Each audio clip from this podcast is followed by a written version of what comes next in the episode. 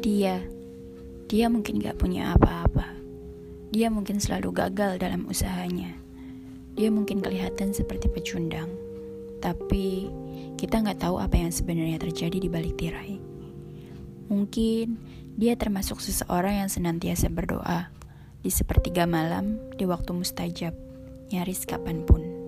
Berdoa, berharap, dan memohon agar diberi jalan keluar atas kesulitan yang dialaminya. Agar dia termasuk seseorang yang lebih baik, agar dia termasuk orang yang lebih taat. Dia juga berusaha semampunya. Dan di tengah keterpurukan ini, dia tetap beriman kepada Tuhannya. Mengapa kita malah memandangnya rendah? Tahu apa kita tentang perjuangannya?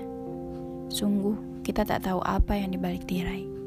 She could be the ocean, but you only see a drop of water evaporated. And he could be desert, but only see a grain of sand blown away.